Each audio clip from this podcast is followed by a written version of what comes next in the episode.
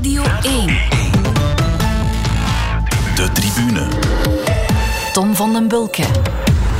Welkom bij deze extra aflevering van de Tribune. Een extra aflevering en dat omdat de belangrijkste voetbalcompetitie ter wereld weer van start gaat.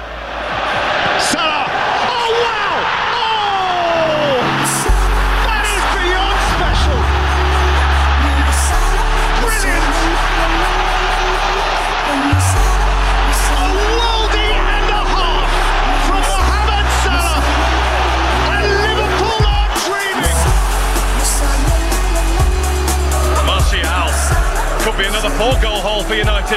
Here's Martial. And Martial does make it four.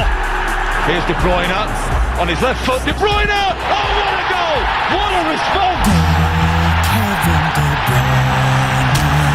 He thumped it into the back of the net. Lloris got a piece of it. Goal, Kevin De Bruyne. Goal! Kevin De Bruyne! De Bruyne powering through, left footed. What a strike! Kevin De Bruyne once again. He's gonna score a goal. A sensational finish from the Belgian. And Bobby Firmino. Firmino, still Firmino. It's in. It's Roberto Firmino for Liverpool. En voilà, daarmee zitten we meteen in de sfeer van de Premier League, want daarover gaan we het hebben natuurlijk. Dag Peter van den Bemt, dag Aster en Zeemaan. Goedemiddag. Goedemiddag, Tom. Twee liefhebbers van het spel, twee liefhebbers van de Premier League. Maar klopt het, Peter, wat ik daarnet zei? Is de Engelse competitie inderdaad de belangrijkste ter wereld? Eh, De meest gemediatiseerde zeker wel. Ik vind dat niet noodzakelijk de beste competitie ter wereld. Het is zeker ook de rijkste competitie ter wereld. Maar eh, veel van, eh, ik zou zeggen, de positieve uitstraling van de Premier League wordt ook bepaald door de sfeer die er, eh, die er hangt in stadions. Waardoor alles, eh, zelfs eh, middelmatige matchen, toch beter lijken dan ze eigenlijk zijn. En de kwaliteit vaak wel een keer overroepen wordt. Maar gaandeweg is de Premier League belangrijker geworden. Omdat het nu eenmaal een enorme geldmachine is. Die toch de andere competities overtroeft. En omdat er in de Premier League een, ik zou zeggen, bredere, echt goede top is. Breder dan in Spanje. En, en, en breder dan in Duitsland. Want dat zijn dan toch de twee andere. In Italië is wel, vind ik, aan een, eh, aan een opmars bezig. Maar heeft een hele lange periode natuurlijk eh, achterop gehinkt. Dus eh, de beste, dat weet ik niet. Als je vaak in de eindfase van, eh, van eh, Europese bekers komt, als we die dan eh, als eikpunt mogen nemen, dan zien we toch vaak dat de Spaanse clubs de voorbije jaren hen hebben afgetroefd.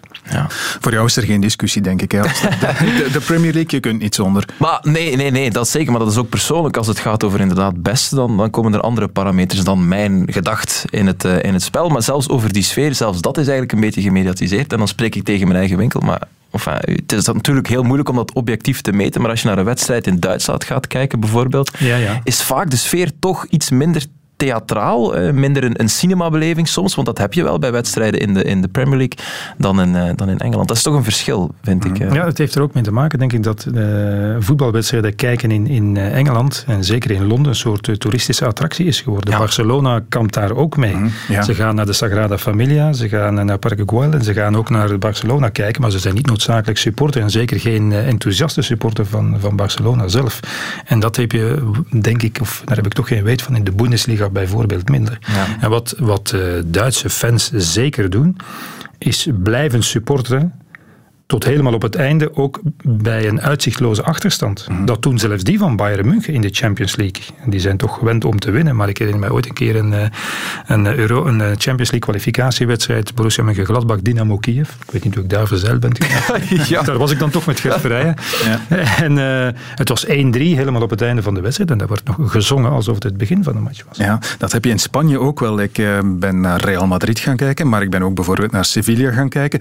Ja, Sevilla was pakken beter qua sfeer dan, dan dat, is, Real. dat is zo, ja. Ja, En, en in Engeland, Aster, zul je dat dan ook wel hebben. En ik weet niet, Manchester United bijvoorbeeld, qua sfeer zal misschien minder zijn dan, ik zeg maar wat, Wolverhampton. Absoluut. Ik ben nog nooit op Wolverhampton geweest, maar bijvoorbeeld wel al een paar keer op Burnley. Ik, ik weet ook niet hoe ik daar altijd verzeild raak. Of ik weet het wel. Het is eigenlijk redelijk makkelijk om daar naar Premier League voetbal te gaan kijken als je het vergelijkt met, eh, met, met een Chelsea bijvoorbeeld. En daar is de sfeer ook altijd goed. Dus volgens mij heeft het toch te maken, en dat is dan een uitdaging voor de Premier League, om toch zo dicht mogelijk bij supporters te blijven en, en, niet alleen maar ja, tickets op, wat is het, van die, van die websites voor uh, duizend pond bijna te, te verkopen voor een, uh, voor een business. En, en, op Old Trafford heb ik dat gevoel heel vaak gehad, toen mhm. ik daar voor Europees voetbal dan meestal was, dat het toch een soort theaterpubliek was, want dan meestal was ik daar met een Belgische club.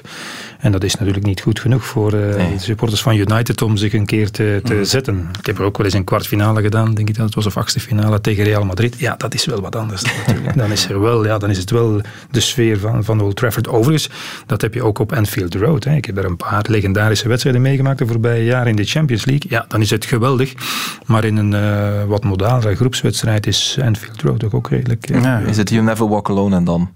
Ja. Wat, uh, wat ja. Ze draaien wel zeer goede muziek altijd. Voor aanvang van de wedstrijd en tijdens de rust. Maar je Daar kunnen ze hier nog wat van leren, als ik een tip mag geven. Je bent nog niet overal geweest natuurlijk in Engeland. Maar als je, als je, als je moet kiezen tussen, als het dan toch over die sfeer gaat, um, Anfield of, uh, ja, ja, ja, toch wel. ja, ja. ja. Um, ik was ook heel aangenaam verrast, maar het was natuurlijk ook een fantastische campagne door, uh, door de sfeer eigenlijk in het nieuwe Tottenham Stadium. Dat, die, Daar spreekt iedereen vol over. Ja, dus dat viel mij ongelooflijk mee. Ik ben er een keer of twee uh, geweest en ja, het was, het was hmm. zeer, zeer goed.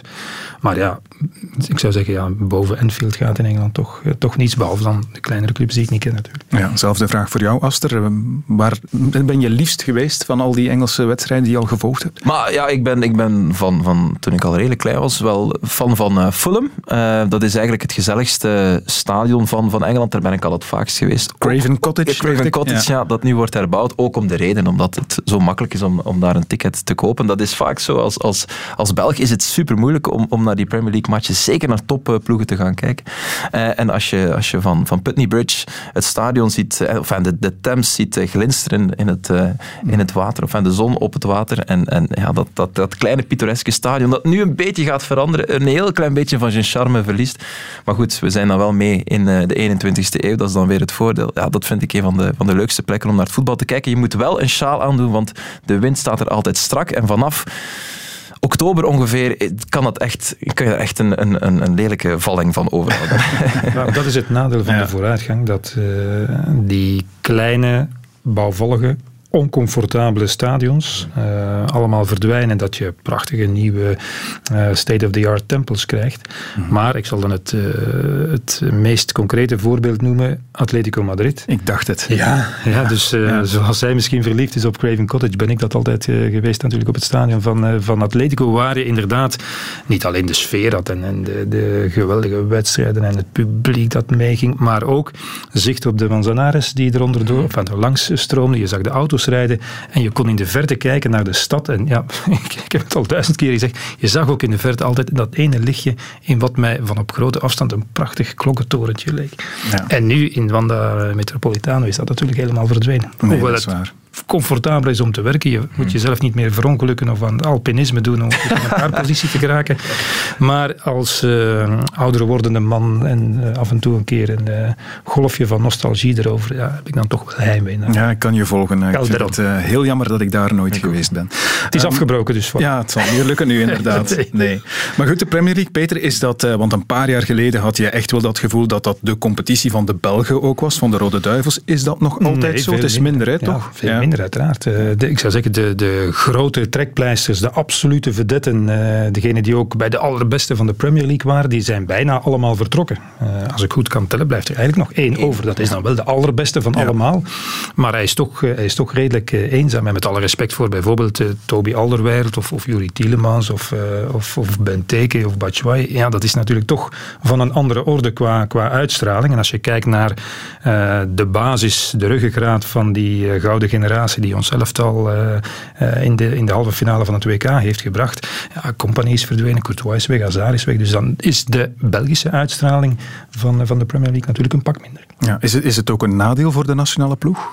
Niet noodzakelijk. Als je de Premier League verlaat en je gaat bij Real Madrid voetballen, oké, het, is nu, het is nu even voorlopig nog niet voor Hazard wat het is geworden. Of je gaat naar een, naar een, een andere sterke ploeg in het, in het buitenland, je gaat naar een goede club in de Bundesliga bijvoorbeeld, dan zie ik het probleem niet. Uh, waarom ze per se dan in, in de Premier League zouden moeten spelen. Het is alleen dat ze natuurlijk uh, stilaan ouder worden. Dat is dan weer een ander verhaal. Ja, ik denk, je moet er ook niet te veel achter zoeken. Hazard, dat verhaal was op bij Chelsea, net als het verhaal van Lukaku op was bij United. Ja, heeft, ze hebben een, een, topclub voor een andere topclub geruild. Dus je hoeft niet per se in de Premier League te spelen om, uh, om, om, om, om op de top van je carrière te zijn. Dat, dat, dat toont Hazard. Of zal hij hopelijk nog uh, wat meer tonen de komende jaren. Dat toont zeker ook Lukaku. Hè. Die is alleen maar beter geworden door de Premier League te verlaten en, uh, en bij Inter terecht te komen in een competitie waar hij zich zeer goed staande heeft gehouden en bij een trainer die 100% in hem gelooft. Dus het verlaten van de Premier League voor Lukaku was een absolute succesverhaal. De tribune. Volk genoeg in elk geval om nog over te praten daar in de Premier League. En zaterdag is het dan zover Fulham tegen Arsenal om half twee. Dat is de openingswedstrijd van de nieuwe competitie. Zijn ze, Peter, eigenlijk voldoende uitgerust daar in Engeland om er weer aan te beginnen? Want niet alle ploegen komen in actie in het openingsweekend. Dat is een goede vraag. Dus uh, ik, zal, ik zou zeggen, om eraan te beginnen, dat gaat het probleem niet zijn. Ik denk dat uh, excuseer, de, de negatieve effecten van uh, ja, het turbulente seizoen, de lange onderbreking, het doorvoetballen, het, de te korte rustperiode dat, en de overladen kalender vooral, uh, dat we de negatieve gevolgen daarvan pas gaan zien wanneer het uh, donker wordt, kouder, de velden wat zwaarder, zal heel veel wedstrijden in de benen hebben. Dus ik zou zeggen vanaf november, december gaan ze vallen als vliegen als je het mij vraagt. Dus nu, nu oké, okay, is iedereen denk ik, fit en fris om, uh, om eraan te beginnen. Ja, want de twee teams uit Manchester, Aster, spelen nog niet, hè, dacht ik, uh, in het eerste weekend. Nee, nee, nee, City en klopt. United, ja, die klopt. mogen nog even rusten dan. Ja, klopt, omwille van die Europese verplichtingen uh, die ze natuurlijk laat hadden. En dat is te begrijpen. Maar anderzijds, ik heb een paar interviews gehoord met Klopp, met, met Solskjaer ook bijvoorbeeld. Ja, ze zeggen allemaal, we zijn er absoluut nog niet klaar voor. Het is, het is een, een onwezenlijk gevoel dat ze hebben, dat het seizoen nu al begint. Dus, dus het kan natuurlijk een beetje verstoppertje zijn dat ze, dat ze spelen, maar nee, dat nee, is toch een gedeeld ja, gevoel dat, ze hebben. Dat is logisch ja, natuurlijk. En ja. ook het tempo van, uh, van wedstrijden. Je moet wel een, een, een volledig seizoen nog voor een, een EK spelen. Dus het tempo wordt alweer moordend. En je hebt nog maar net dat moordende tempo van, uh, van juni, juli achter de rug. Ja, bijvoorbeeld, Dus uh, ik, weet, ik, weet, dat Solskjaer rond die halve finale tegen, tegen Sevilla gevraagd had, of bijna geëist had, dat zijn spelers zouden worden vrijgesteld van die interlandverplichtingen van, van de week. Maar goed, ja. Greenwood was beter thuis ja. gebleven. Maguire heeft daar iets op gevonden. ja, Maguire heeft er ook iets op gevonden. Ja. Dus misschien op een wat onorthodoxe manier toch. Uh... Ja, klopt. maar goed, uh, City en United spelen nog niet. Liverpool wel. Zaterdag tegen de, de nieuwkomer Leeds is er, uh, als er veel veranderd eigenlijk bij, bij Liverpool. Ik heb de indruk van niet. Nee, nee, de teams nee, vergelijkt nee, niks, dit tegenover niks. vorig seizoen. Eén aankoper bij het Simicas, dat is, de, dat is de opvallendste versterking, omdat het de enige versterking is. Maar dat, dat is de lijn die Klopp eigenlijk vorig seizoen ook al heeft uh, doorgetrokken. Toen wonnen ze de Champions League en zei, ja, sorry, ik heb eigenlijk niet veel versterking uh, nodig. Minamino is erbij gekomen. Dat is eigenlijk een, een, nieuwe transfer, want ik heb gelezen dat hij zich heel lang moest inwerken en dat hij ook een heel moeilijke lockdown heeft gehad als Japanner hier in, in, in, Liverpool. Alleen, dat is, dat, dat is moeilijk, maar qua versterking, nee. Maar ik denk ook, en dat is wat Klopp blijft zeggen, ja, we hebben ook intern enkele transfers. Hij kijkt naar Curtis Jones, die hij blijkbaar in de voorbereiding heel veel, heel veel tijd heeft gegeven. Hij kijkt naar Rian Brewster, die bij Swansea hoeveel goals heeft gemaakt. Ik heb de statistieken nu niet opgeschreven, Peter. ik denk tien goals in de championship sinds, uh, sinds nieuwjaar. Uh, was gewild door iedereen, maar hij heeft hem er toch bij gehouden. Hij kan, moet de doublure worden, sorry, Divo Corrigi, voor, uh, voor, voor Firmino daar voorin. Dus, dus intern ziet hij toch genoeg. En Klopp is altijd van het principe ja, spelers beter maken. En hij heeft het gevoel dat hij de jongens die er nu zijn nog beter kan maken. Alleen houden we ons hart vast, of de Liverpool supporters hun hart vast, als er toch, en dat zeggen we elk jaar, ja, twee of drie sterkhouders geblesseerd uitvallen, dan, uh, dan is die bank dunner dan ooit. En er is ook bijvoorbeeld Wijnaldum, die nu toch al heel vaak is genoemd bij Barcelona. Dus mocht die nog vertrekken, dan zitten ze centraal in het middenveld wel met een probleem. Dat weet ik niet. Thiago Alcantara moet ja. dan uh, de pasmunt zijn. De vraag is, en, en dat is wat specialisten zich ook afvragen, en dat, dat is altijd zo na succes wordt gezegd, ja, op een moment van succes moet je jezelf eruit vinden. Of moet je het dan bestendigen? Hou je vast aan de ploeg die, die het al een paar seizoenen uitstekend heeft gedaan, die blijk heeft gegeven van de top bereikt in de Champions League, gewonnen en dan toch de Premier League. Die kan ik dat ook nog een derde seizoen doen.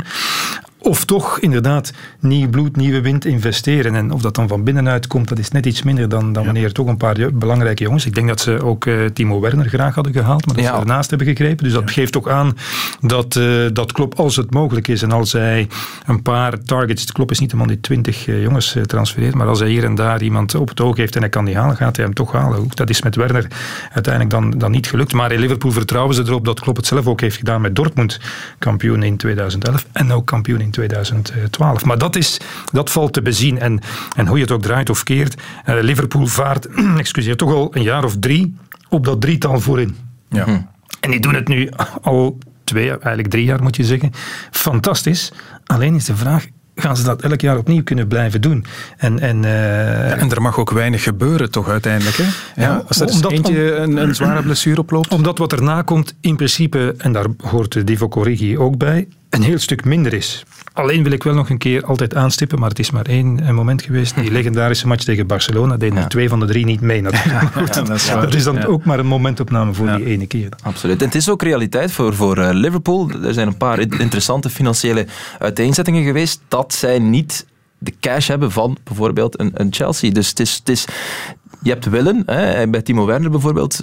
Klopp wou die heel graag, maar ze hadden gewoon niet het geld om, om, om in die wedloop te gaan met, uh, met Chelsea. Chelsea heeft gewoon toegeslagen op het juiste moment. Hebben ze, hebben ze ook bij Havertz gedaan bijvoorbeeld. Het was een buitenkans voor hen, dankzij Rijke Roma natuurlijk. En die, ja, die Fenway Sports Group die investeert of pompt uh, er niet zo'n geld in als uh, Abramovic dat wel. Nee, want bijvoorbeeld Thiago, die willen ze ook heel graag. Bayern wil daar nog 30 miljoen voor. Wat mij betreft een koopje als je kijkt wat ze betalen ja. voor, voor verdedigers. Ja, ze toch een beetje veel. 30 miljoen voor Thiago Alcantara, toch een jongen in de bloei van zijn leven, die wat mij betreft uh, moeiteloos zijn draai gaat vinden en, en nog een extra dimensie kan geven aan dat middenveld van, uh, van Liverpool. Maar ja, vinden ze voorlopig te veel. Nee, ja. het is wel waar wat je zegt. Zo'n team dat al drie jaar min of meer dezelfde ja. ploeg heeft en die, die constant aan de top speelt, die kan af en toe wel een, een fris element gebruiken. Ja, en, en uh, Klopp is een, een zeer veeleisende trainer die veel energie vraagt en een, een energievretende aanpak voorstaat. Dus als je daar af en toe eens een keer een, eh, een paar frisse elementen kan inbrengen, ja, is dat. Maar goed, dat is de afweging die je maakt. Hè. Wat, wat als er dan ligt, als de financiële mogelijkheden dan wat minder zijn, oké, je wil wel bepaalde specifieke targets en als je die niet haalt, oké, dan, eh, dan doen we niets. Daar is ook nee, En het siert ook klopt dat hij dan niet zijn eigenaars afvalt. Hij zei deze week nog in een interview, ja, dit is de manier waarop wij ja, een club runnen. En oké, we, we, hebben die weg ingeslagen en oké, we gaan die nu niet veranderen, omdat andere clubs nu plotseling heel veel geld uitgeven. Die clubs zitten in een andere fase dan wij. Wij staan er. En ja, oké, als je kijkt naar de basiself, dat blijft toch de beste elf volgens mij van, van de Premier League. Daar bestaat toch weinig twijfel over. Denk en, en, en, en als het nodig is, na, na dat eerste seizoen was het nodig om de defensie te versterken, ja, dan hebben ze inderdaad Van Dijk gekocht en het probleem opgelost. Ze hebben Allison gehaald en het probleem opgelost. Mm. Dus wat dat betreft doen ze dat wel. En dus op dit moment ziet Klopp geen groot probleem. Want laten we niet vergeten, die drie jongens voorin zijn natuurlijk niet gekomen als uh, supersterren. Huh? Ik ja, weet, ze, haal, ze haalden Firmino. En de toenmalige coach, wiens naam nu even ontsnapt, uh, Brendan Rodgers, die uh, wilde Benteke. Die wilde Benteke. Ja, ja, ja bij wilde Benteke. Ja. ja. En uh, zei, oké, okay, uh, als ik Benteke krijg, dan moet ik Firmino ook brengen. Om maar te zeggen dat het af en toe ook wat, uh, van wat toeval ja. Nu dat Timo Werner niet uh, naar Liverpool gekomen is, Aster, dat is eigenlijk goed nieuws voor uh, Divo Origi, zou je kunnen zeggen. Maar ik hoor je dan spreken over die Brewster. Betekent dan dat Origi toch een plekje gezakt is in de pickorde van 2 naar 3? Of, of, Dat, kan ik, dat kan ik niet zeggen. En ik weet ook, Klopp werkt enorm veel met krediet. Krediet is vaak loyaal aan, aan, aan mensen. En ook aan Divo Origi, die vorig jaar dan toch besloot om, om te blijven. Dus ik weet niet of die in de pickorde veranderd is. Maar wat wel zo is, en dat is natuurlijk de Engelse media die daarachter zit, Brewster is wel een, een hoe zegt men dat, een, een groeibriljant. Uh, dus, diamant. Ja, een groeidiamant. Voilà, zo. Later misschien ook briljant. Niet zo voorlopig dat. Uh, dus ja, oké, okay, hij, hij komt wel met wat adelbrieven binnen de club, want hij heeft er een fantastisch half jaar op zitten in de championship, dat wel.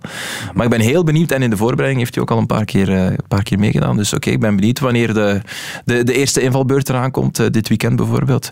Wie er mag, wie er mag invallen, dat zegt toch altijd wat. Oké, okay. zometeen gaan we het over de andere ploegen ook hebben natuurlijk. Maar uh, is Liverpool titelkandidaat nummer 1 opnieuw voor jullie? Er zijn er twee wat mij betreft. Ik denk dat ja. uh, oké, okay, het verschil was, was dit jaar gigantisch. En, en post-corona is het dan een beetje uitgevlakt. Omdat ja, Liverpool was uiteindelijk kampioen. En dan speel je toch mee, niet meer met dezelfde intensiteit. En die is nodig om het uh, voetbal van, uh, van Klopp te spelen. Maar zo groot gaat het verschil natuurlijk niet meer zijn. Het zal dichter bij elkaar zijn zoals het jaar voordien, denk ik. Dus, dus City en Liverpool op het eerste gezicht elkaar toch gewoon waard, denk ik. Mm -hmm. Aster? Ja, uh, voor mij is Liverpool de duidelijke titelfavoriet. En ja, je moet altijd heel voorzichtig zijn met de dingen die je zegt, want die, die achtervolgen je dan. Uh, maar ik, ik kan me moeilijk voorstellen dat het verschil weer zo heel klein zal zijn, dat het een echte wedloop zal zijn. Laat ons hopen van wel, hè, voor de neutrale voetballiefhebber. Maar ik zie toch misschien net iets te veel mankementen bij, bij Manchester City, waardoor mijn vertrouwen in hen, zeker wat betreft de Premier League, uh, niet zo groot is. Maar zo dadelijk daar meer over misschien. Ja, nee, je hebt de brug uh, op het voilà, perfecte okay. moment gemaakt, Aster. Ik wilde het inderdaad nu over, over Manchester City hebben. Uh, de grote uitdager dan toch weer van, hmm. van Liverpool inderdaad. Maar je, je, hebt er niet veel vertrouwen in. Maar ik stel me vragen bij, bij... Het is het laatste jaar van Guardiola, dat weten we allemaal. wat is nu het allergrootste doel dat City al heeft, al, al vier jaar heeft met Guardiola? Dat is, die Premier, dat is die Champions League winnen. En je kan zeggen, de kern moet breed genoeg zijn om op twee paarden te gokken. En dat is zo voor een groot deel van de competitie. Maar uiteindelijk maak je toch keuzes op het einde van het uh, seizoen. En ik weet ook niet of dat de motivatie bij de spelersgroep als je dan toch moet kiezen, dan ga je toch voor die Champions League. Dus daar zie ik misschien een tweespalt. Dus ik, weet... ik denk wel dat het er geweldig heeft ingehakt. Niet dat ze nu een keer geen kampioen waren. Oké, dat kan gebeuren als de, de concurrentie Liverpool Lyon. Maar, maar Lyon, oké, dat is nog een ander ja. Maar ik bedoel, ook in de Premier League, ja, gedeclasseerd eigenlijk door Liverpool. En daar in het noorden vinden ze dat dan toch niet zo prettig onder elkaar. Ik weet wel, het is United de grote concurrent, ja. maar ja, dat vinden ze toch niet zo prettig. Dus ze zijn toch een beetje in hun eer gekrenkt.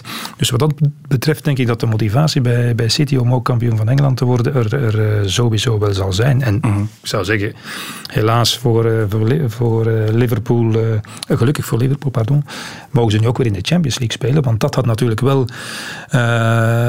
heel veel slechts betekend voor Manchester City als er twee jaar zonder Champions League zou moeten gespeeld worden. Als het als anders had beslist, dan hadden we misschien een ander elftal gekregen. Maar, maar wat het, het grote probleem, en dat is wat, wat City wat mij betreft moet oplossen. Uh, ik heb het eens opgezocht, ze hebben zeven keer in de Premier League met vijf of meer doelpunten gewonnen. Ja. Meer, vijf of meer doelpunten gewonnen, dus ze hebben er weer 102 of zo gemaakt, ja. denk ik. Meer dan Liverpool. Uh, alleen hebben ze heel vaak bijna een kwart van hun wedstrijden in de Premier League verloren. Want mm -hmm. ondanks al hun defensieve mankementen waren ze de ploeg in de Premier League met de meeste clean sheets. Maar dat is dan waarschijnlijk, ik heb het nu niet opgezocht, maar dat, die redenering maak ik even. Ja, als het 7-0 en 5-0 en 6-0, maar je verliest wel met 0-1. Mm -hmm. Dus een, de afwezigheid van, van, of de lange blessure van Laporte, denk ik, is dat is ja, toch een probleem geweest. Dus als die fit is, hè, want ze zoeken nog altijd naar een oplossing om het vertrek van Vincent Company op te vangen. Als je dat nog moet blijven doen met Otamendi, ja, dan nee toch niet. En John en, en Stones.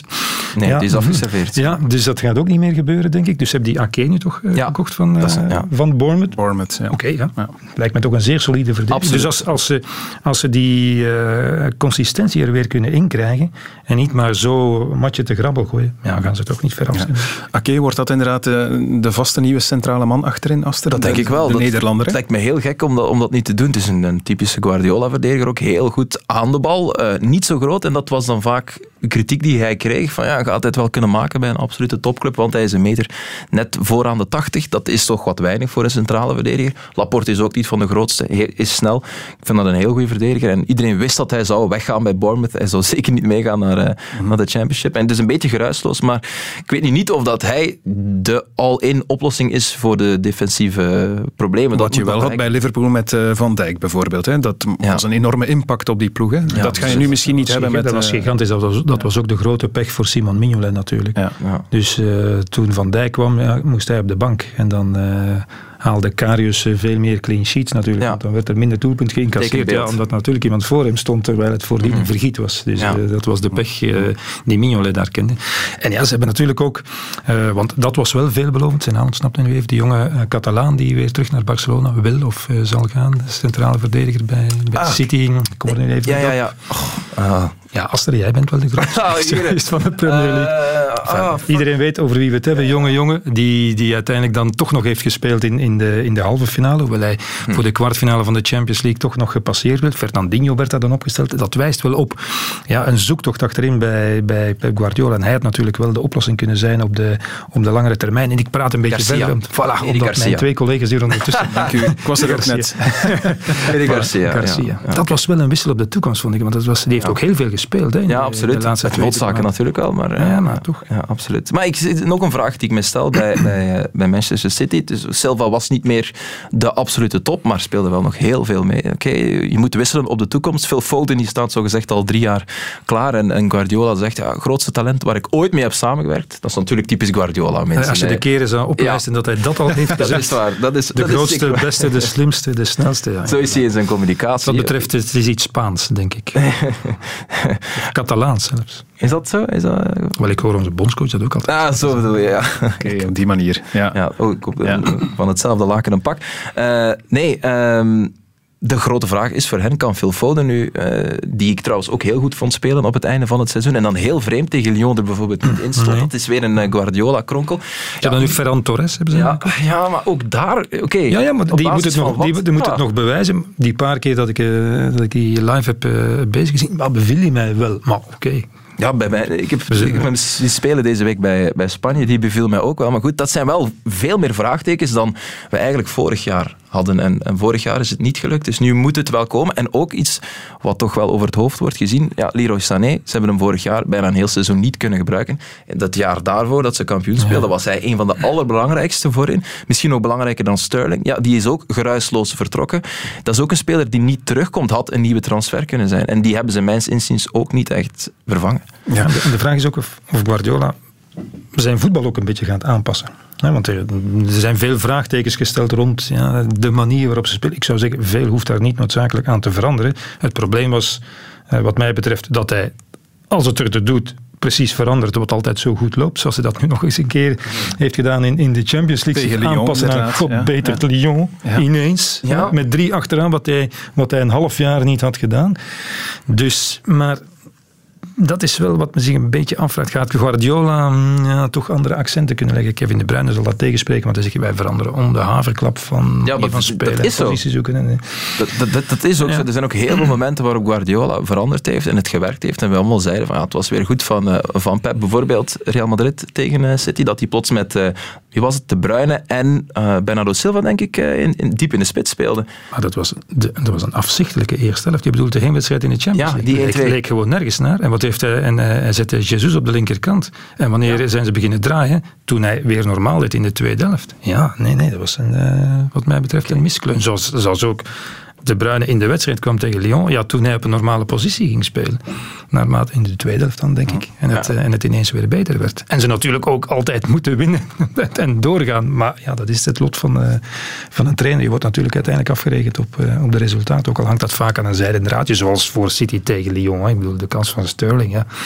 Je trapt die erin, ja, je gaat door. De flaters... Uh, van, van de doelman. Ja, dat zijn dingen waar je natuurlijk geen vat op hebt. Nee. Nog één ding over City, um, want was er niet, uh, net omwille van die grote kloof met Liverpool, ook uh, nu de uitschakeling in de Champions League tegen Lyon, gezegd van ja, er moet een nieuw team gebouwd worden rond Kevin De Bruyne. Terwijl je toch ziet, oké, okay, het zijn quasi allemaal dezelfde namen, behalve dan een nieuwe centrale verdediger en het vertrek van David Silva dat opgevangen moet worden. Maar voor de rest zijn het weer de Aguero's enzovoort ja, die allemaal staan. Ja. Maar je moet natuurlijk ook je afvragen, hebben ze slecht gepresteerd dit seizoen. -huh. Ze zijn vice-kampioen van Engeland geworden. Dat lijkt mij nog altijd niet vanzelfsprekend. Oké, okay, het verschil met, uh, met Liverpool was te groot. Ik heb net gezegd wat, wat de problemen waren. Ze zaten in de halve finale van, uh, in de kwartfinale, sorry, van, van de, de Champions League op een, wat mij betreft, nog altijd zeer ongelukkige manier uh, uitgeschakeld door individuele fouten. Ze zaten nog in de finale, denk ik, van de, uh, van de FA Cup, halve finale van de FA Cup. Halve finale van de, de FA Cup. Dus ja, het is ook niet dat ze... Het is geen Arsenal-seizoen geweest, bijvoorbeeld. Om nee. te zeggen, ja, nu moet ineens uh, alles anders, dan moeten we allemaal andere spelers gaan kopen. We hebben nog altijd heel veel fantastische wedstrijden gezien van, van City met geweldig voetbal. Maar ja, wel niks gewonnen. Nee, dat, maar dat, dat ja. zeg ik net, dus daar ja. word je op afgerekend. Voilà. Ja. maar iets heropbouwen, dat leek me nu ook wel uh, overdreven. Zeker als je ziet, De Bruyne, het is nog niet dat hij aan vervanging toe is. Dus de sleutelspelers in je elftal, die kan je wel behouden. En, en Aguero kan nog altijd een goal Aguero, maken. Sterling is er ook nog altijd. Laporte dus, is ook absoluut nog, dus kan je nog, kan je nog vijf, zes jaar mee, mee verder. De tribune. En dan de uitdagers van die twee, Liverpool en City. De ploegen die uh, misschien net tekort gaan schieten voor de titel, maar wel gaan strijden voor de Champions League plaatsen. Daar moeten we het natuurlijk ook over hebben. Laat ons misschien beginnen met Manchester United. Vorig seizoen derde geworden. Maar eigenlijk al jaren aan het kwakkelen, hè, Peter. Zie je, zie je daar een evolutie in de ja, goede zin? Uh, sinds, van, ja. uh, sinds nieuwjaar, enfin, sinds de komst van uh, Bruno Fernandes en de introductie van een aantal, van een aantal jonge talenten. Ik vind dat het voorbije half jaar, United was overigens de beste ploeg post, post-corona, zeg ik dan altijd, maar ik bedoel post-corona onderbreking. Want ja, ja, ja, Corona is, corona is er nog altijd. Ja. maar was, was de beste ploeg, heeft niet meer verloren en, en heeft vooral weer aangeknoopt met de traditie van Old Trafford. Namelijk offensief voetbal, de tegenstander bij de keel durven grijpen met jonge jongens van, van de eigen opleiding. Dat was onder Mourinho compleet verdwenen. Ja, maar ook nog met Van, van Gaal. Ook, van Gaal, vreselijk. Ja, dus, dus ik bedoel, het was echt geen resultaat, maar ook nog eens slecht voetbal. En Mourinho heeft dan de Europa League gewonnen. Daar zaten wij een arm en een been voor geven, maar niet United. En niet op die manier natuurlijk. Tegen Ajax, dat, dat eigenlijk voetballes gaf, maar afgetroefd werd. Dus wat dat betreft vind ik dat er ja, een hele revival is geweest. En het was mooi geweest voor Solskjaer als hij dat kunnen, had kunnen belonen met, met een trofee. Maar oké, telkens in, drie keer in de, in de halve finale uitgeschakeld. En een paar keer ook verraden door zijn doelman. Hè. Daar zitten we dan toch meteen bij een van de vraagstukken voor, voor het volgende seizoen. Want ik, ik heb De Gea altijd echt een heel goede doelman gevonden. Echt een heel goede doelman. Maar ja, als hij natuurlijk op cruciale momenten keer op keer in de fout gaat, maar hij zet hem nog een keer in de halve finale van de Europa League tegen, tegen Sevilla. Oké, nu zonder gevolgen wat dat betreft. Maar uh, ik denk dat, dat uh, United met de komst van Fernandes, die een enorme impact heeft gehad, ja, een grote sprong voorwaarts heeft gemaakt. En ik zie nu niet meteen redenen om, om, uh, om daaraan te gaan, gaan twijfelen. Die, die jonge jongens, zoals Greenwood, James, Johan Bissaka om de rechterkant, ja, dat zijn allemaal jongens met nog een enorm groeipotentieel. Mm -hmm. Dus ze gaan ze zijn geen titelkandidaten, denk ik. Nee. Maar ze zijn, wel, ze zijn wel in staat om weer in de top 4 te eindigen. En, en pas op, ze hebben, ze hebben een paar uh, straffe resultaten. Ze hebben twee keer gewonnen van City, uh, als ik me niet vergis, uh, vorig ja. jaar. Dus ze hebben een paar ja, sprekende resultaten geboekt. Dus ik denk dat, dat na al die jaren, wat je terecht zegt, in de duisternis ja, dat ze het, einde, uh, het licht aan het einde van de tunnel ja. wel zien en dat ze niet zo uh, ver van het einde zitten. Ja, die periode lijkt voorbij, maar je moet je de vraag stellen, wat is nu succes voor Manchester United dit seizoen? Is dat dan opnieuw derde eindigen? Want ja... Die je weet nooit hoe het seizoen, dingen... Nee, je weet nooit hoe het seizoen loopt natuurlijk. Hè, maar, uh, ja, dat is waar. Kijk naar Leicester vorig jaar. Daar was eigenlijk de doelstelling, ja, top 6 zou fantastisch zijn. Je staat een heel seizoen lang derde en dan is het een teleurstelling dat je vijfde eindigt. En ik vind die Donny van de Beek wel een goede transfer eigenlijk. Die, ja. Die, ja, maar waar ga je hem zetten? Ja, dat vroeg ik me maar ho hoger in het veld. Het is iemand die, die, die bij Ajax een ongelooflijk gevoel heeft voor plaatsing en timing. timing. Ja, dat is waar. Die is altijd op het goede moment, daar waar de bal is, vaak in de grote rechthoek. Mm -hmm. en, hij heeft, en, en, hij scoort dan vaak of geeft nog een assist. Dus wat dat betreft is hij voor mij complementair met, uh, met Fernandes. Maar dan, dan zet je Pogba niet. Of dan zet je Pogba op 6, maar dan, ja, dat is... Dat, dat is, lijkt me, ja, hij is toch meer een 8. Dus ja, dan moet, ja. je moet toch sowieso Matic of Fred uh, kan je er ook zetten op, op 6. Of McTominay. Maar ja, dat, dat, ik, ik stelde me meteen de vraag, waar gaat hij hem inpassen? Maar misschien, misschien is hij gewoon beter dan Fernandes. Goed, je hebt, je hebt in, dat, in dat drukke systeem, beter dan Fernandes gaat niet dan de Fernandes van de voorbije half jaar in ja, ieder geval niet. moeilijk, maar goed, je weet niet dit seizoen is. Maar, maar uh, ja, je zit met zoveel wedstrijden dat je wel een keer gaat, uh, gaat. Hmm. Niet iedereen, iedereen, speelt alles. En uh, Oké, okay, Van de Beek zal toch nog de stap naar de Premier League moeten zetten. Maar ik vond het altijd zo'n zo intelligente en ook bescheiden, bijna onzichtbare voetballer, die zeker in die Champions League campagne van, van Ajax het, het geweldig deed. Ik vind, dat, ik vind dat wel een, een, een, slimme transfer. En ik vind het ook goed dat allee, tot, tot, op dit moment uh, United niet nog eens dure spelers is gaan halen nadat ze die honderden miljoenen hebben uitgegeven. Dat lijkt nu voorbij. Mm -hmm. Nee, ze zeggen we doen het met Brandon Williams bijvoorbeeld. We, we doen het met, met James en, en, we doen het uiteraard met, met Greenwood. En, en Rashford is ook beter geworden. Martial is ook weer voetballer geworden. Eigenlijk de voetballer die we er zoveel jaren geleden bij Monaco in zagen. Dus, ja. Er is veel wilde, denk ik. Alleen, misschien is... moeten ze dan toch nog eens de geldbuidel opentrekken voor, en dan kom ik terug op wat jij al aankaartte, Peter, een doelman, een cruciale positie natuurlijk. Nou, maar De Gea is wel een hele goede keeper. Maar ja, bij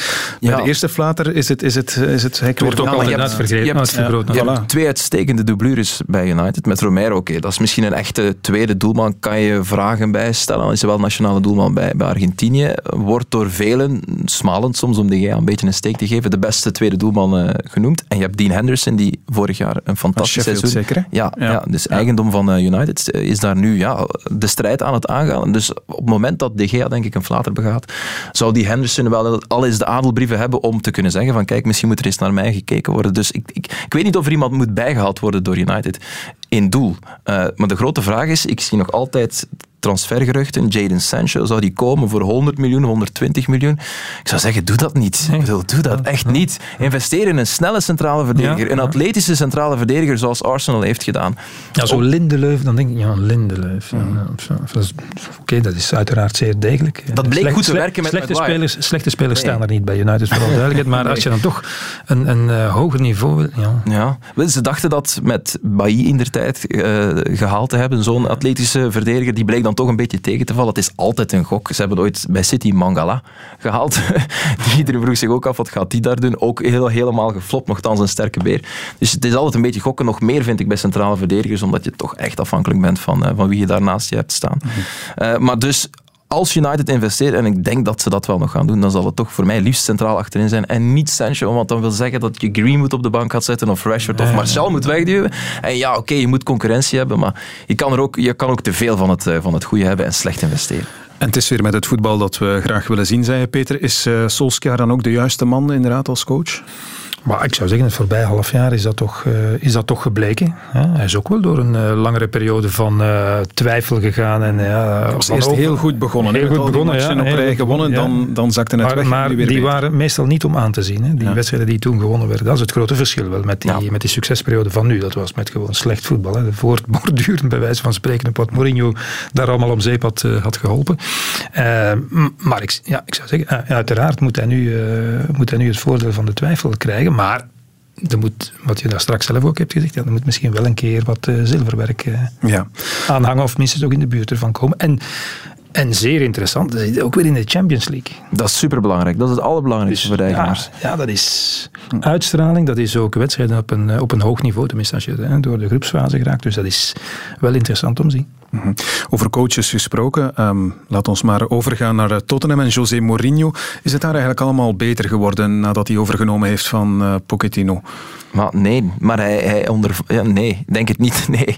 De ruzie met een Dombele bijvoorbeeld, of, dat is toch kapitaalsvernietiging, denk ik. Die, die lijkt nu niet in de plannen te staan. Dat is toch de topaankoop van, uh, van, van, van Tottenham vorig jaar. Lo Celso is er dan ook bijgekomen. Eigenlijk oogde alles veelbelovend als je het gewoon puur, als je het wedstrijdblad bekeek voor, uh, voor Tottenham, het is helemaal gekelderd. Maar oké, okay, het is niet beter geworden onder Mourinho, maar hij heeft ook wel geen cadeau gekregen. Daar blijf ik ook wel achter staan. Want er komt heel veel kritiek op hem. En het voetbal, en dat is dan het, het, het, het meest schrijnende voor, voor de Tottenham supporters, is niet om aan te gluren. Hè. Ik herinner me nog bijvoorbeeld Leipzig tegen uh, Tottenham. Enfin, ja, de omgekeerde ja. affiche Tottenham tegen Leipzig, dat was echt voor mij echt de druppel.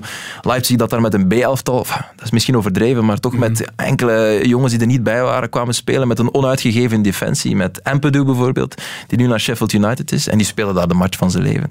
Uh, en, en, en die speelden eigenlijk Tottenham helemaal van het veld. Dat vond ik heel schrijnend. En dat blijft wel onder, uh, onder Mourinho. Maar hij gaat toch een manier vinden om resultaten te pakken. Daar ben ik van overtuigd. Dat zie ik al bijvoorbeeld als hij, als hij Hooiberg haalt, denk dat die, dat, is, dat is een typische Mourinho-speler. Heel nuttig, groot loopvermogen, kan je op rekenen. Ook hij zelf binnengehaald, gaat voor hem door het vuur. Een Fellaini man dus. Ja, maar, ja. ja daar, daar, kan je het bijna mee vergelijken. Wat Fellaini was voor Moyes bijvoorbeeld ook. Mm -hmm. ja, alleen dan lager op het veld en andere kwaliteiten natuurlijk, maar ik snap de vergelijking die, die je maakt. Ik denk ja. dat Tottenham de prijs heeft betaald vorig seizoen voor de finale van de Champions League het jaar voordien. En daar zijn ze met respect gezegd natuurlijk in gestruikeld. Ik heb zelden een uh, elftal gezien, of het zou Real Madrid onderweg af en toe een keer moeten geweest zijn, dat zoveel geluk heeft gehad om voorbij zijn tegenstanders te ah, Zo bedoel je? Ja, dat is twee, drie keer.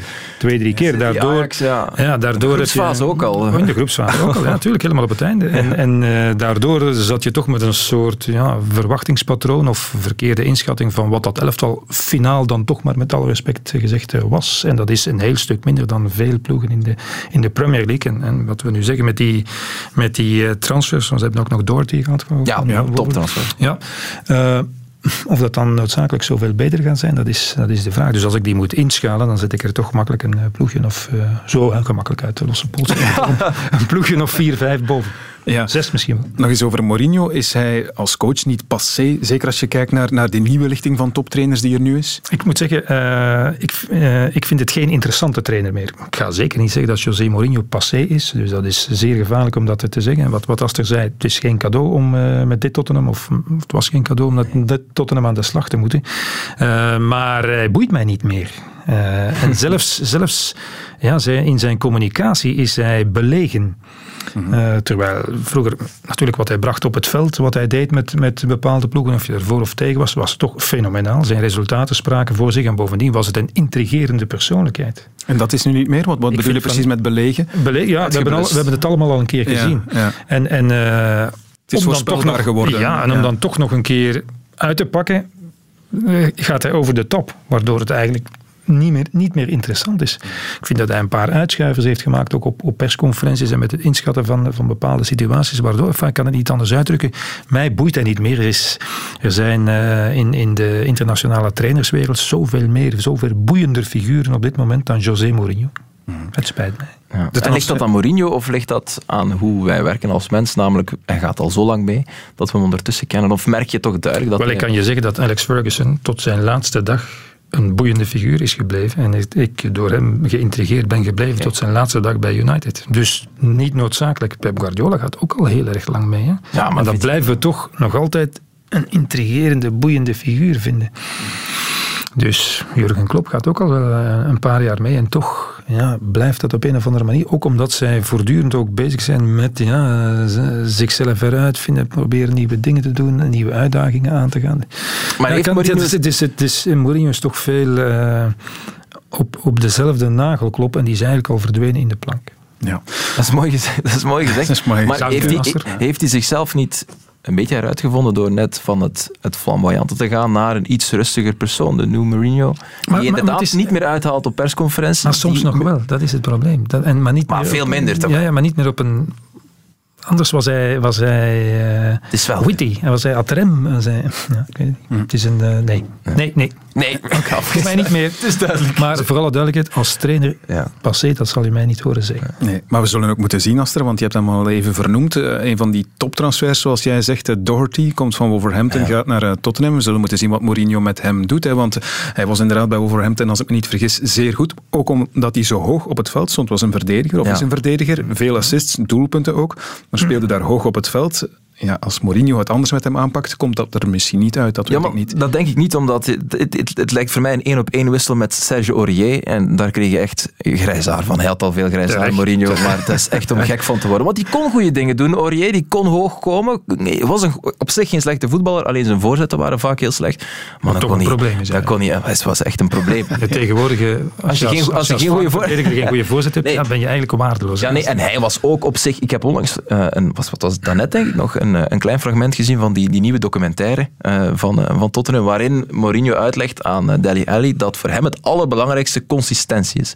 Dus hij wil geen flitse voetballers. En als er nu één flitse voetballer is, op de verkeerde positie dan nog, is het Sergio Aurier, bij wie het licht soms helemaal uitgaat. Dus ik denk dat die Doherty, want Aurier mocht ook hoog komen vorig jaar, dat ik ervan versteld stond van dat je Aurier zo hoog laat komen. dus dus ik, denk, ik denk niet dat hij gekortwiekt gaat, gaat worden, die, die Doherty. De tribune. Radio 1. Manchester United en uh, Tottenham zijn al de revue gepasseerd, maar er zijn nog uh, topclubs. Uh, er zijn topclubs bij de Vleet in Engeland. Peter, Chelsea. Ja, je bent die eigenlijk ja. als eerste vergeten te vermelden in de Challengersrol. Ja, ik denk ja, het, denk want, want ja, heel opwindende Ik ben er een miljoen procent van overtuigd, dus duid aan waar dit in deze podcast wordt vermeld. Dat ik, zodanig dat ik er straks of later op het seizoen kan op gepakt worden. Maar, ja, ik ben nooit een, ik zou zeggen in de Mourinho-periode en daarna een geweldige fan geweest van Chelsea. En uh, sinds vorig jaar ben ik helemaal om. De intrede van Frank Lampard, de manier waarop ze voetballen. Dat zag ik voor het eerst in uh, de Supercup in Istanbul. Heel aanvallend, hè? Ja. Wij wisten ah, niet wat we zagen. Wij wisten niet wat we zagen. En dat is eigenlijk uh, het hele seizoen zo gebleven. En, en dan, dan dacht ik, ja, Chelsea kan weer aanknopen met de successen van, uh, van voordien. Niet noodzakelijk dit jaar, voor alle duidelijkheid. Okay. Ze gaan geen kampioen worden, ze gaan ook uh, de Champions League niet winnen. Maar ze gaan dat doen op een, uh, op een aantrekkelijk voetballende manier. Zoals in het internationale topvoetbal eigenlijk de trend toch is. Dat de ploegen die willen voetballen, en hier en daar een uitzondering als Atletico Madrid, dat die, dat die succesvol zijn. En als je kijkt hoeveel geld ze er tegenaan hebben gesmeden en hoe ze een, een lacune hebben ingevuld met uh, Timo Werner. Mm Want als je nog een keer een seizoen met, met Giroud moet spelen, zoals ze toch in, in, de laatste paar maanden hebben moeten doen, dat ja, Demi Abraham uiteraard, zou ik zeggen, heel logisch niet, het niet een heel seizoen heeft volgehouden. En die moet zich weer een beetje herpakken, want die, ik denk dat hij nog twee of drie keer heeft gescoord sinds, uh, sinds ja. januari, denk ik. Tegen Villa ja. ja. En, en, uh, en volledig logisch. En ze hebben daar dan, dan Hakim Ziyech aan toegevoegd. Dus ik ben benieuwd, kan die dat ook? Hè, daar... Ja, ze hebben geweldige transfers gedaan, op, op, papier althans. Hè. Ja, Werner, Ziyech en, en, en niet... Havertz ook nog. Aha, niet te geloven. Dus Bayern München had al een lijst opgemaakt van spelers die moesten vertrekken om plaats te maken voor Kai Harvard. Daar stond een Thiago Alcantara bovenaan, om een of andere reden. Ze zijn daar toch niet zo wild van bij, bij Bayern. Want Kai Havertz was de man die moest, die moest komen. Dus als je dat optelt bij wat er al was en, en het, uh, het, uh, het jonge talent dat we hebben gezien. En denk ik, maar dat zeg ik een beetje onder voorbouw, ook een slimme gratis overigens transfer met Thiago Silva, die wat mij betreft nog altijd, ondanks zijn 35, outstanding was in de slotfase van de Champions League. Hoewel ik altijd denk, 35, ja, dat is nu toch echt wel voorbij. 36 denk ik deze maand zelf. Of zes, ja, 36. wordt 36 binnenkort, ja. Dus dan denk ik, ze hebben daar ook wel oog gehad voor, uh, voor de problemen die ze vorig jaar hadden. Want uh, ik, ik, heb het even opgezocht, 54 tegendoelpunten het hoogste aantal van de top 10. Zelfs meer dan Burnley bijvoorbeeld. En het was het slechtste cijfer wat dat betreft sinds 97. Zelfs in dat vermalendijde jaar, in 2016, toen ze, kregen ze minder doelpunten 13 tegen. Ja, ja kregen ze nog minder doelpunten tegen. Dus dat was eigenlijk het, uh, dat was eigenlijk het, het grote probleem. En, en uh, ik denk dat ook daar, wat ik al gezegd heb bij, bij City, maar op een, op een ander niveau, ook daar speelt het eergevoel wel een beetje. Want sinds de laatste titel uh, vier jaar geleden zijn ze telkens op een straatlengte geëindigd. Hè, want ze waren dan vorig jaar wel, uh, wel vierde op 30, eh, 31 punten weer. Ja, op grote afstand. Ja, ja. Dus, dus als die nieuwe jongens kunnen gekoppeld worden aan, aan wat er was, Mason Mount, die Abraham zal boven water komen, kan niet anders. Vind ik een geweldige, een geweldige spits, maar jonge jongen die het moet maken. Uh, Reece James bijvoorbeeld, ja, dan, dan denk ik dat er eh, veel muziek in zit en een paar oude meubelstukken zoals die William hebben ze dan toch, Pedro, uh, dat soort die gaat dan naar Arsenal. Ja. maar maar um, ja, wat, wat ik dacht was van oké, Chelsea heeft inderdaad een beroep gedaan op, op een aantal jonge talenten, jonge spelers. Je hebt ze net opgenoemd. Dat was een beetje noodzaak, noodgedwongen natuurlijk, omdat ze een transferverbod hadden. Maar is dat dan nu geen slecht nieuws voor die jonge mannen? Nu ze eindelijk weer wel transfers mogen doen en ze dan die grote namen halen, gaan die dan weer wat naar het achterplan verdwijnen, denk je? Dat, zal, eh, dat valt te bezien. Ja, dat denk ik wel. Dat, dat lijkt me een, een, een, logisch gevolg. Natuurlijk, alles hangt af van vorm, alles hangt af van de mini-voorbereiding die ze nu hebben gehad. Het is ook een lang seizoen, er is Champions League voetbal. Ze willen op alle fronten eh, meestrijden. Er is enorm veel ambitie op Chelsea en dat leidt me dan naar de vraag. Het is misschien een heel gekke vraag en je moet ze niet beantwoorden, maar is Frank Lampard wel content met de 200 miljoen, of wat is het, die ze hebben, hebben uitgegeven. Want zijn job is echt radicaal veranderd ten opzichte van vorig jaar. Dan kon hij niks verkeerd doen, moest wat jonge gasten inpassen, zoals hij dat bij Derby County ook had gedaan. En dat kon hij, want hij is charmant. Hij kan goed werken met jongens die naar hem opkijken. En nu komen daar toch een paar andere sterren uh, naartoe. Ook redelijk jonge gasten, bijvoorbeeld Ziyech is uh, niet meer maar ik dacht net Havertz.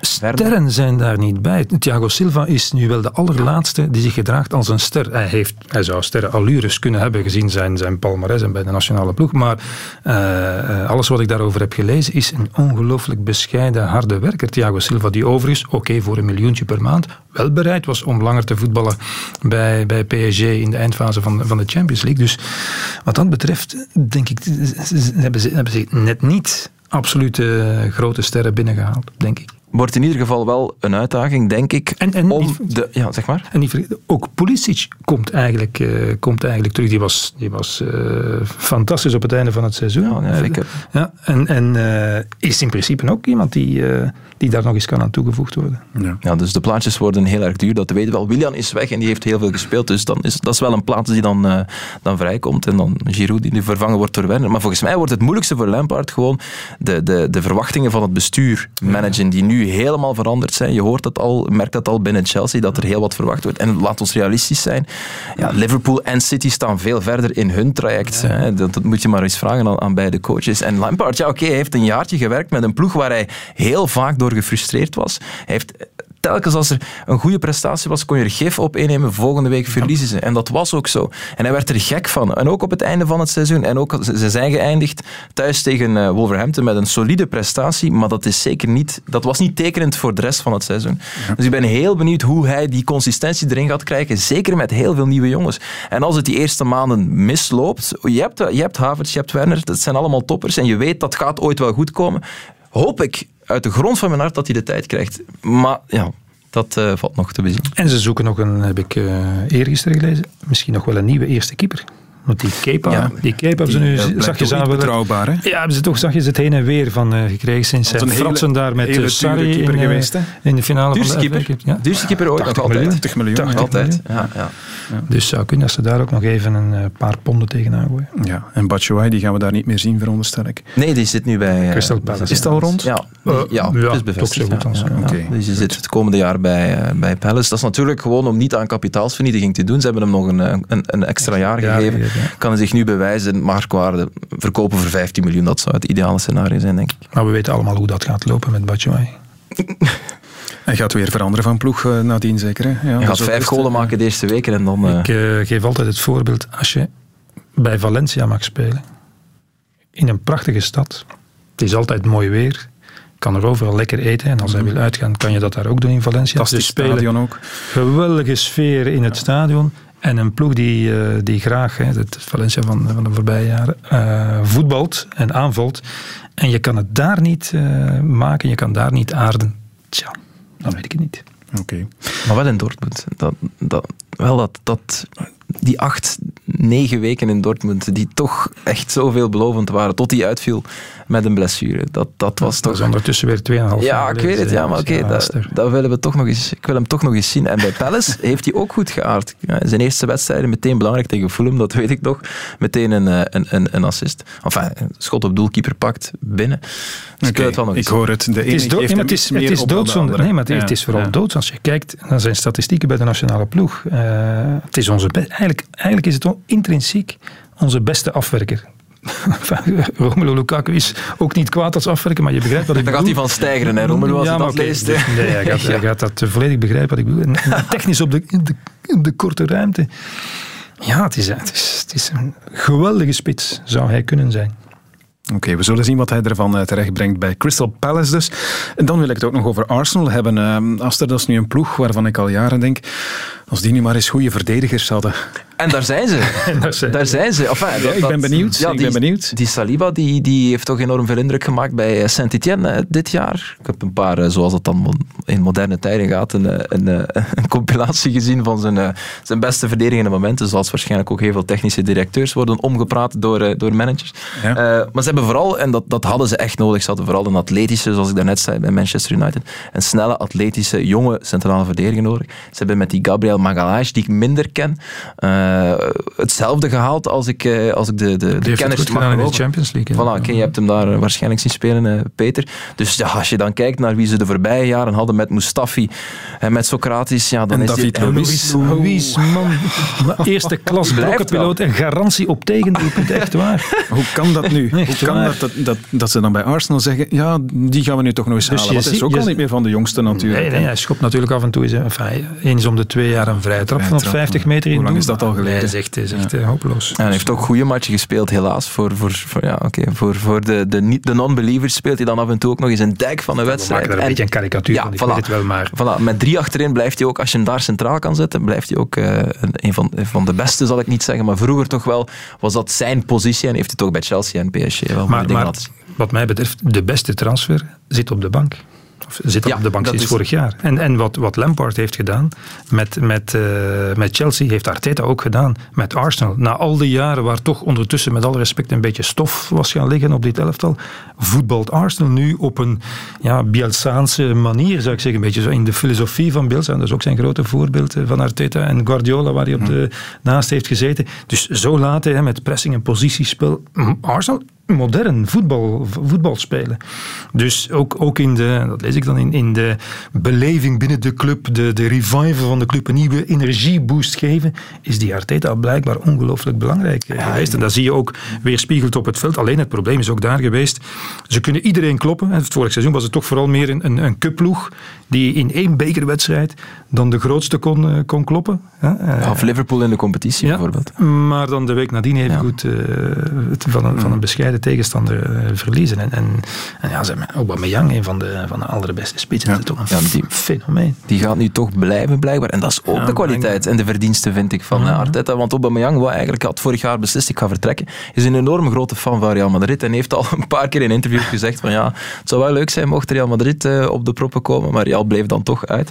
Um, maar goed, ja, ik vind Arteta de, de, inderdaad ook de, de job die hij daar heeft gedaan. En vooral de manier waarop hij met bepaalde problemen is uh, omgegaan. Iedereen herinnert zich nog Granit Xhaka, die daar vorig jaar uh, de supporters, ik weet niet wat hij allemaal toeriep, maar werd, van het veld werd gefloten en iedereen dacht, aanvoerdersband uit, dit is het einde. Hij heeft hem toch weer in dat elftal gekregen, heeft hem toch weer gemotiveerd gekregen om, om voor Arsenal alles te geven. En omgekeerd een speler waar ik enorme fan van was in tijden dat het heel slecht ging met Arsenal, Guendouzi, die dan blijkbaar in de wedstrijd tegen Brighton heel arrogante dingen heeft gezegd van jongens, met jullie pre, wat komen jullie met mij praten?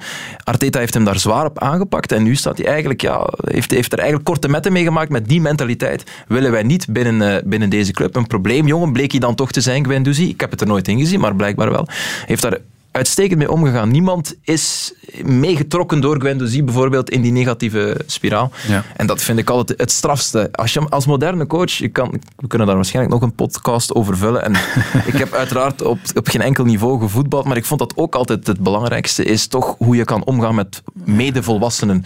En of je iemand vertrouwen kan geven. En, en tactiek is superbelangrijk, maar op dat niveau, ze kunnen allemaal zo goed voetballen, is toch vooral het belangrijkste dat iemand zich goed voelt en met vertrouwen speelt op een veld, denk ik. Ik wil nog één naam noemen als het over Arsenal gaat. Uh, gewoon omdat hij voor mij een, een, mysterie is en blijft. Ik vind hem zo'n goede voetballer, Mesut Özil. Geweest, Tom. Die Geweest. dikwijls die sloffen over het veld. Dat is dus toch, die jongen mist wat uh, de basis is om het, om het te maken. Dat is de, de drive, de grinta. Zo de, oud de, is hij nog De goesting om te spelen. De ja? goesting om te spelen. Ik vond dat ook altijd een sierlijke voetballer om naar te kijken. Linksvoetigen zijn altijd sierlijker dan, ja, dan rechtsvoetigen. maar ja, Özil was in een goede dag geweldig. Maar ja, die goede dagen liggen al eindeloos ver achter hem. Overbetaald natuurlijk, ook een veel te dik contract. En ja, hij straalde altijd uh, gebrek aan zin om te voetballen uit. Vreemd genoeg. Hmm. Dus, dus als Arsenal... En nogthans, in, in een aantal afgelegde kilometers, bijvoorbeeld tijdens een wedstrijd, stond hij nooit van onder. Iedereen dacht altijd, verzet geen poot. altijd meer dan, dan als andere middenvelder. Ja. Dat is toch ongelooflijk? Maar dus als je een nieuw Arsenal wil bouwen, dan heeft Neuzel daar geen plaats in. Haalt Arsenal ik. de top 4, Aster? Uh, nee, dat denk ik nee, niet. Nee, ja, maar... Nee. Oké, okay. okay, als Peter nee zegt, dan, uh, maar, dan is het. Zeg jij dan ja, dan heeft een van ons twee gelijk. ah, wel, ja, nee, nee, nee. Ik geloof er zelf niet in, dus dat ga ik het niet zeggen. Nee. Oké. Okay. De tribune. We zeiden net al, geen uh, Jan Vertongen, Vincent Compagnie, Eden Hazard meer in de Premier League, dat is al een tijdje. Maar aan Rode Duivels toch nog altijd geen gebrek daar in Engeland. Leicester City ja, is misschien het nieuwe Tottenham, zou je kunnen zeggen, met uh, drie stuks nu. Juri Tielemans, Dennis Praat en ook uh, Timothy Castagne.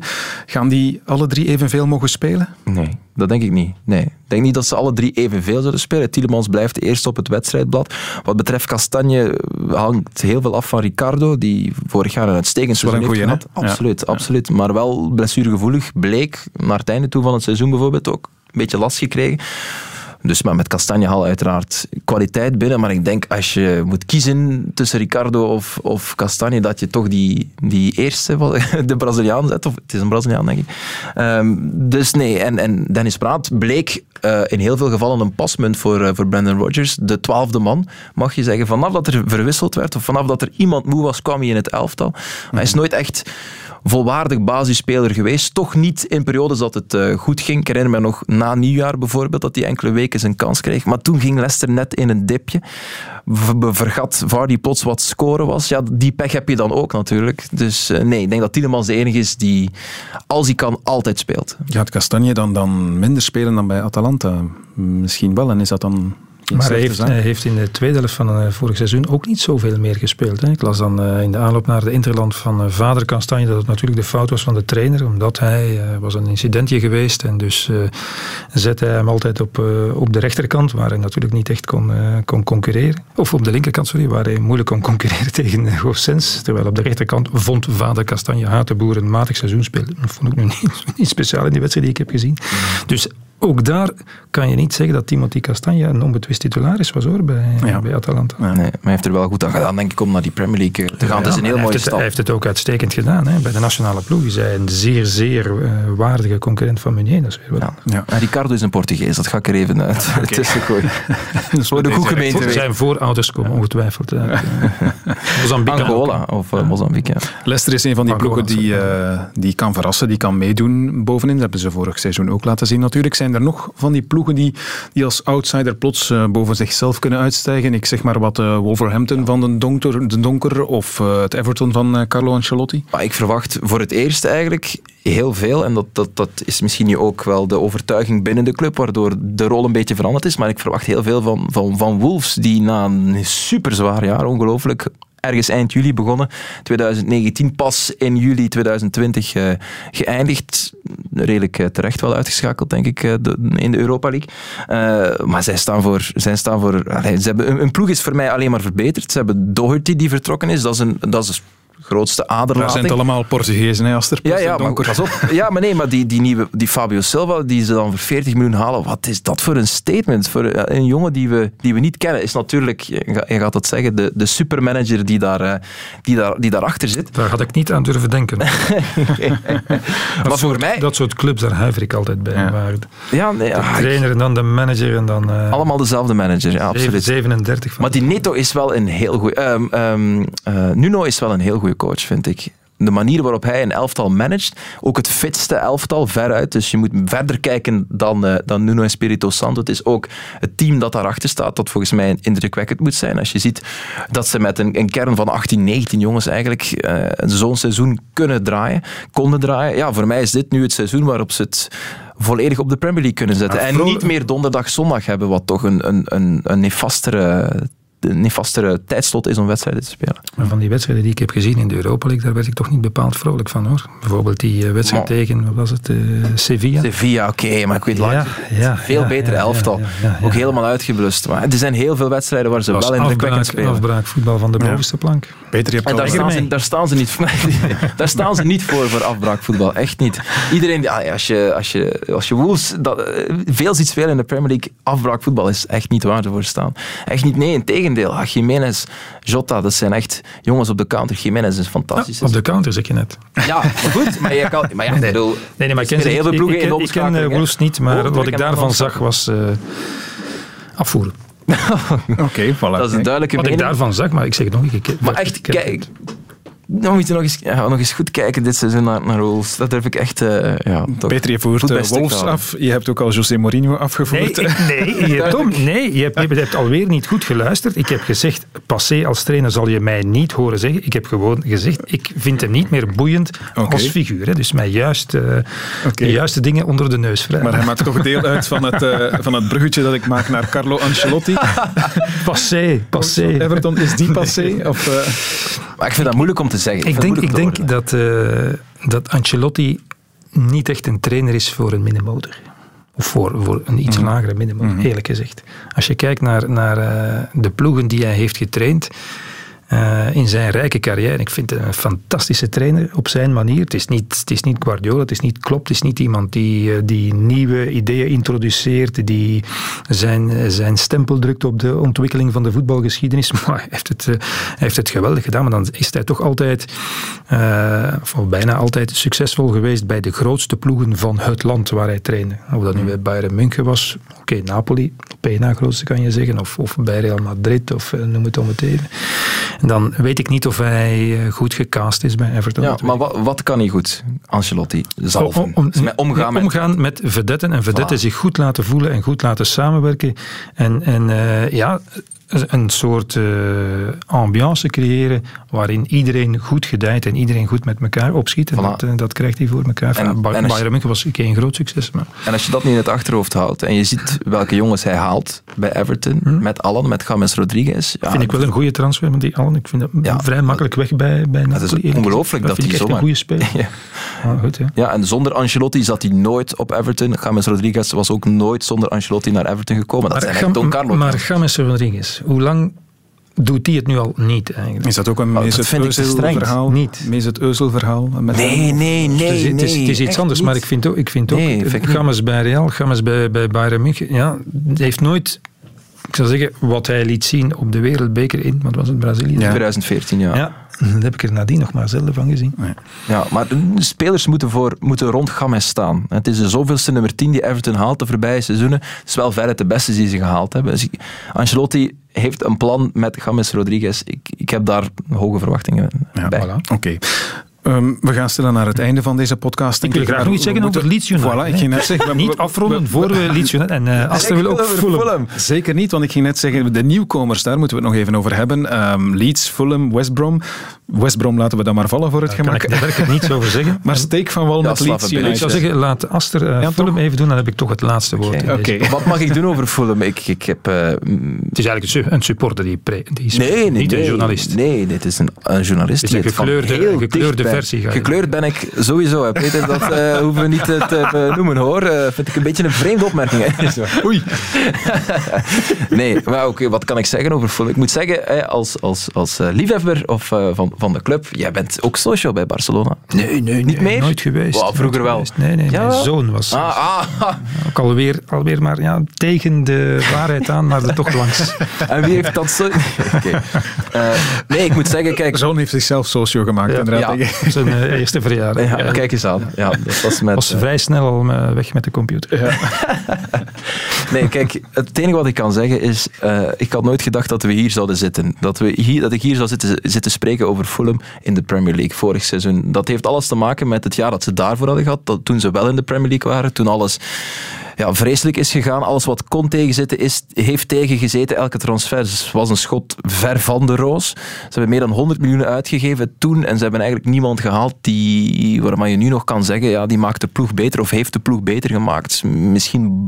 Schurle op sommige momenten, oké, los daarvan. Serie en Anguissa, die nu terug in de kern zitten trouwens, waarvan ik maar alleen maar vragen bij stel. Maar kijk, Scott Parker heeft heel realistisch gevoetbald. Je hebt nooit een moment gehad vorig jaar dat je dacht deze ploeg gaat onder stoom geraken, zoals Leeds dat deed, zoals West Brom uh, vorig jaar in het begin van de, van de championship uh, fantastisch speelde. Dat heb je nooit gehad bij Fulham, maar ze waren er wel altijd net bij. En ze stonden wel net vierde, vijfde, net in die playoffs. Oké, derde geëindigd, uh, vierde in de, in, in de championship geëindigd, in die playoffs boven zichzelf uitgesteken en here we are. En ik moet zeggen, dat mijn um, Engels. Uh, ik moet zeggen dat, dat uh, mijn vertrouwen nu in het Premier League seizoen wel groter is dan twee jaar geleden. Toen ze heel veel nieuwe jongens haalden. Oké, okay, namen, maar je ook enorm afvroeg van ja, waar is de loyaliteit naar die goede ploeg? Want toen kwamen ze uit een championship seizoen waarin ze alles kapot speelden. Bijna. En en, en dat, dat heb je nu niet. Maar er is wel een bepaalde standvastigheid en een bepaald realisme bij, bij Parker dat me wel enorm bevalt. Ze hebben geleerd uit hun lessen. Uh, de aankopen die ze gedaan hebben, uh, Mario Lemina bijvoorbeeld, die is erbij gekomen valt nog af te wachten wat hij kan brengen, maar ze hadden niets nodig centraal in het middenveld. Ze hebben voor mij nog een centraal die bij, bij Monaco uh, lang geleden gezeten heeft. Zo die, Limina, ja? Dat kan. Ik ken hem, ken hem van Zo, bij Southampton. Die herinner ik mij als jonge... Ja, kan. Drie, vier jaar ik ken hem van bij, van bij Southampton, nu uitgeleend geweest aan, uh, aan, Galatasaray was het. Um, ze hebben Ariola in doel, ze hebben een, eigenlijk een, een goed sluitstuk. Rodak was niet slecht, maar ze zijn heel, heel, heel, en ze zijn nog altijd bezig natuurlijk, want ze hebben nog een kleine maand tijd, maar ze zijn op een heel juiste manier aan het uh, bijpassen. Oké, okay, voor, voor je de hele spelerskern gaat ja. overlopen. Ze blijven erin in de Premier League? Ze blijven erin, ja. ja en ze gaan het beter doen dan uh, het favoriete elftal van, uh, onze okay, verslaggever. Het slotwoord dan inderdaad, Peter. Leeds United, vertel. Het is niet noodzakelijk mijn favoriete elftal, maar uh, alleen al maar omdat uh, Marcelo Bielsa er trainer is, moeten ze terug naar de Premier League natuurlijk. Het is toch een, een, fantastisch verhaal dat die Bielsa überhaupt al uh, bij Leeds aan de slag gaat. Het heeft ook te maken met de sportief directeur die hij, die hij van vroeger kent. Maar ik vind het een heel mooie traditieclub. Leeds, na 16 jaar zijn ze terug in de Premier League. En uh, het roept herinneringen op aan de, die legendarische Champions League campagne van Anderlecht. Uh, ze waren toen derde geëindigd in de Premier League het jaar voordien. En 2000, 2001, toen Anderlecht tweede ronde speelde van de Champions League, was toen met twee groepsfases.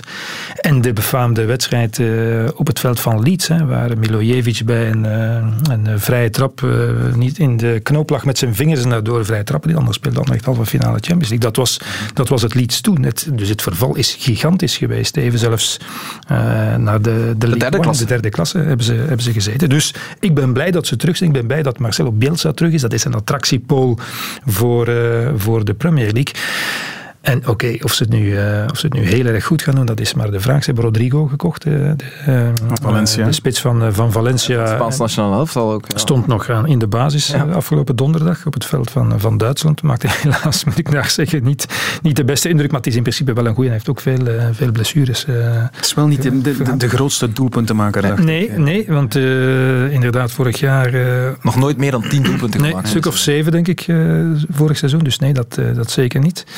Ze hebben ook nog wel een centrale verdediger van, van Freiburg, denk ik, gekocht. Maar ik zet mijn geld op Bielsa om te zeggen, uh, Leeds blijft er eigenlijk zonder problemen in. En, we, en je weet sowieso dat het een ploeg is die garant zal staan voor spektakel. Wat fascineert je zo aan Marcelo Bielsa? Ja, de, gewoon de, de hele figuur al van toen hij... Toen heb ik hem eigenlijk pas echt goed leren kennen toen hij bondscoach was van Chili. Zoals hij Chili liet voetballen. Ja, zo voetbalde als Chili voetbalde en zijn, zijn ploegen nadien eigenlijk ook. Uh, zoals hij zelf, namelijk uh, totaal geschift. dus zo simpel is het. Uh, pas op, we, we, moeten nog zien of hij gaat blijven, want ja. in elk geval vanmorgen had hij zijn contract nog niet getekend.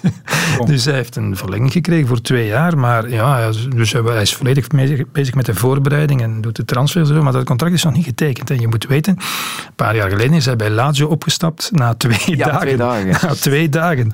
En bij, bij Marseille, na ik denk één speeldag in zijn tweede seizoen. Dus, dus hij is ongelooflijk vrij gevochten. En als het hem niet aanstaat, dan bolt hij het gewoon af. Ja. En ik las uh, van de week, ik denk dat het in uh, Sportvoetbalmagazine was. En Sportvoetbalmagazine heeft heel veel lezers, maar misschien niet alle luisteraars van deze podcast lezen mm-hmm. magazine. Dus vertel ik nee, toch vertel even gerust. het verhaal dat ik daar, ja. daar las om aan te geven dat hij toch enigszins ongewoon kan reageren. Dus hij was bij de Nieuwe Old Boys uh, uh, in Argentinië trainer. En zo een zware nederlaag geleden, 6-0 of zoiets in een belangrijke wedstrijd. En de supporters, zoals dat daar wel een keer gebruikelijk is, meenden toch verhaal te kunnen gaan halen bij Bielsa thuis. En dus met ja, een paar honderd kwamen ze even bellen aan de voordeur in plaats van onder de sofa te duiken. Deed hij de deur open, borst vooruit en hij had een handgranaat in zijn hand. En toonde die met zijn vinger in de, in de pin en vroeg of hij die er moest uittrekken, waarop natuurlijk al die moedige Argentijnen wegstoven. En hij liep er nog achteraan en riep dan, wil je nog praten? Hoe zit het? Wil je nog praten? Dus het is er maar één keer overkomen. Maar twee dingen fascineren mij daarbij. Eén, dat je gewoon de deur open doet als er gewoon een man staat te kijken. Maar vooral, dat heeft hij dus in huis liggen. Ik vraag mij af, ja. ik zou, zou dat in, in Engeland ook nog iets in de keuken laten liggen hebben? Een granaat. De Engelse pers heeft er een kluif van. Uh, Formidabel. Ja, ja, ja. Hebben verslaggevers dat ook nodig uh, in dit land, uh, Peter? Zo die scherpe, scherpe columns. Nee, bij mij is alles met elektriciteitsraad afgezet. dat is preventief, is je slecht. Er is niet is een grapje over. Mijn, domein, mijn kleine domein is vrij toegang.